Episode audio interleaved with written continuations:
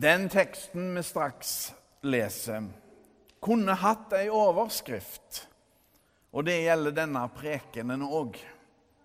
Til frihet har Kristus frigjort oss, eller som det ble lest, til fridom. Til frihet har Kristus frigjort oss. For det var nemlig første setningen i Galaterbrevsteksten som vi nettopp hørte bli lest. For temaet for dagen er den kristne frihet.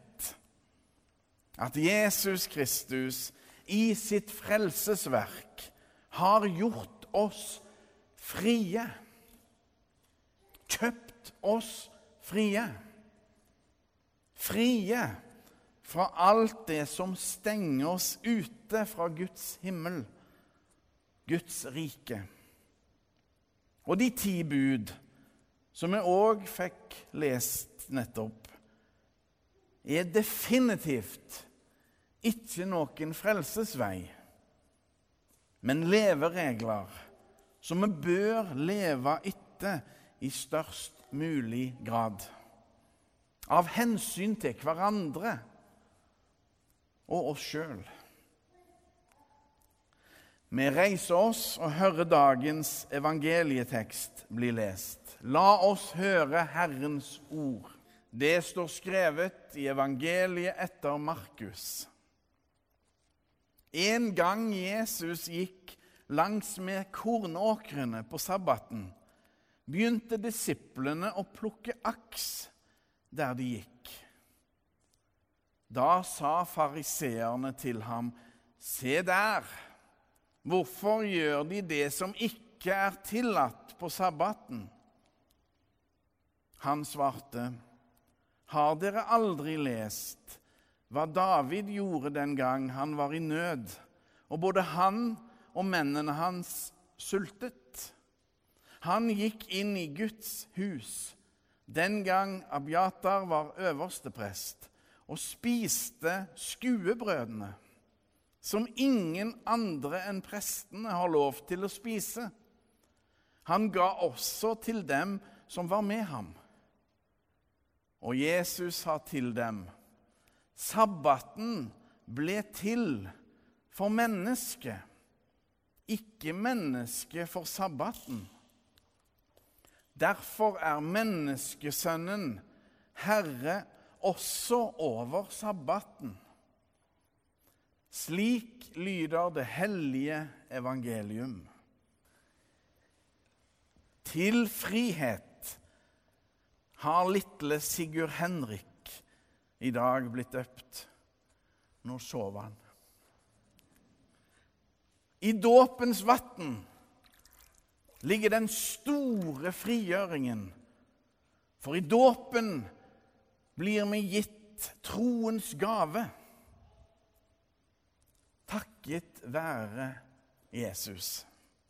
Han som kjøpte oss fri i den kristne dåp, blir vi overøst sjølve himmelens kjærlighet, synlig og konkret.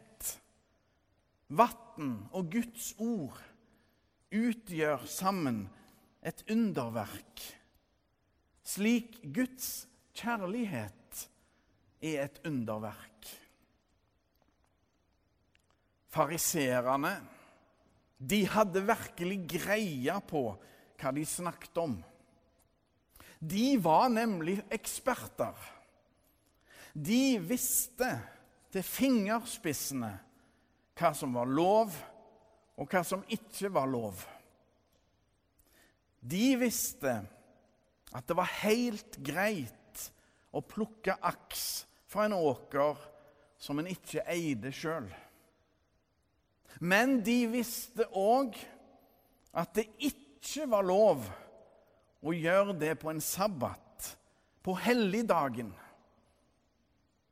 Derfor, når de ser Jesu disipler plukke aks på en sabbat, er de raske med å påpeke dette overfor Jesus. Men Jesus som er Gud sjøl, vet òg hva han snakker om. Han vet at mye av dette er menneskebud. Og derfor kommer òg svaret resolutt tilbake oss. Sabbaten er til for mennesket, ikke motsatt. Hvorfor finnes kirka? Kirka er til for mennesket, ikke motsatt. For å utbre sitt rike tar Gud i bruk det hellige, universelle fellesskapet som vi kaller kirka. Kyriakos på gresk, som betyr det som hører Herren til. Kirka er til for å tjene menneskene i alle aldrer, både liten og stor. Kirka er med sitt budskap til for å sette mennesker fri.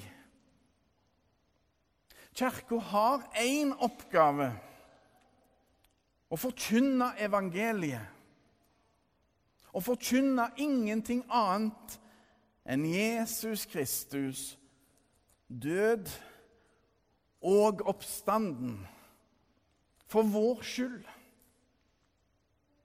Det er vår trosarv til nye generasjoner.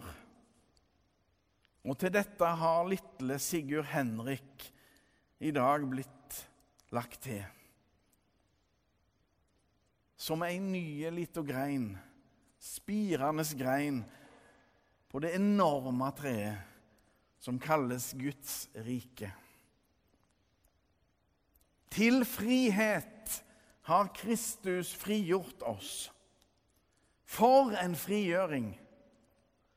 For alle som tror at kristen tro dreier seg om å følge regler til punkt og prikke.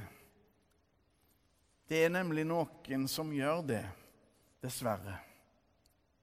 For en frigjøring denne teksten er. For her setter Jesus, vår Herre, alt i det rette perspektivet. Det dreier seg om mennesker. Mennesker er viktigere enn regler. Reglene er bare til for å hjelpe oss.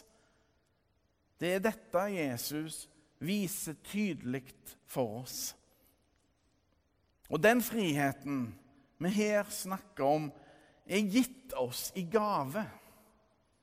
Den er knytta til selve frelsesgaven, gitt oss i kraft av det Jesus gjorde da han døde for oss, ga sitt liv for oss og da han oppsto igjen som seierherren over døden og all vondskap. Da hadde Gud forsona verden med seg sjøl og åpna himmelen. Da var ingen regler og påbud lenger en farbare vei til himmelen. Da var det kun troens vei som førte fram. Jesus Kristus-veien. Derfor er altså den kristne frihet en svært dyrekjøpte frihet. Og derfor er det Paulus er så knallharde, tydelig, tydelige med Galatia-menigheten, der noen faktisk har vært og forkynt for dem at de må bli som jøder for å være kristne. Nei, sier Paulus, det er feil. Dere må ikke la dere omskjære, for da kaster dere vrak på alt det Jesus har gjort for dere.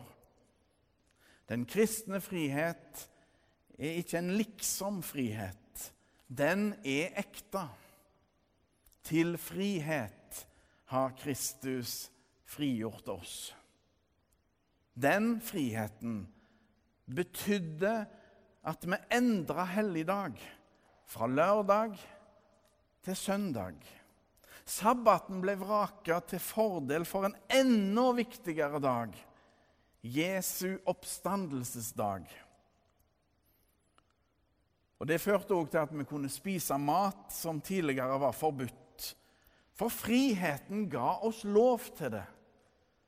Vi trengte ikke å leve som jøder. Ei heller trengte vi bli omskårne for å være Guds folk. Vi kunne lage så mange bilder av Gud som vi ville, fordi vi tror at Gud har vist seg for oss i Jesus. Og da er alt annerledes.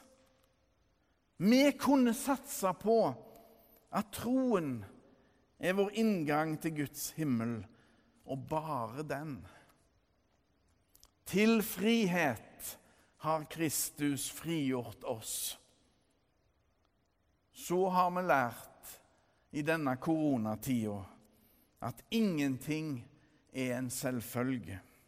Sjøl ikke friheten er en selvfølge.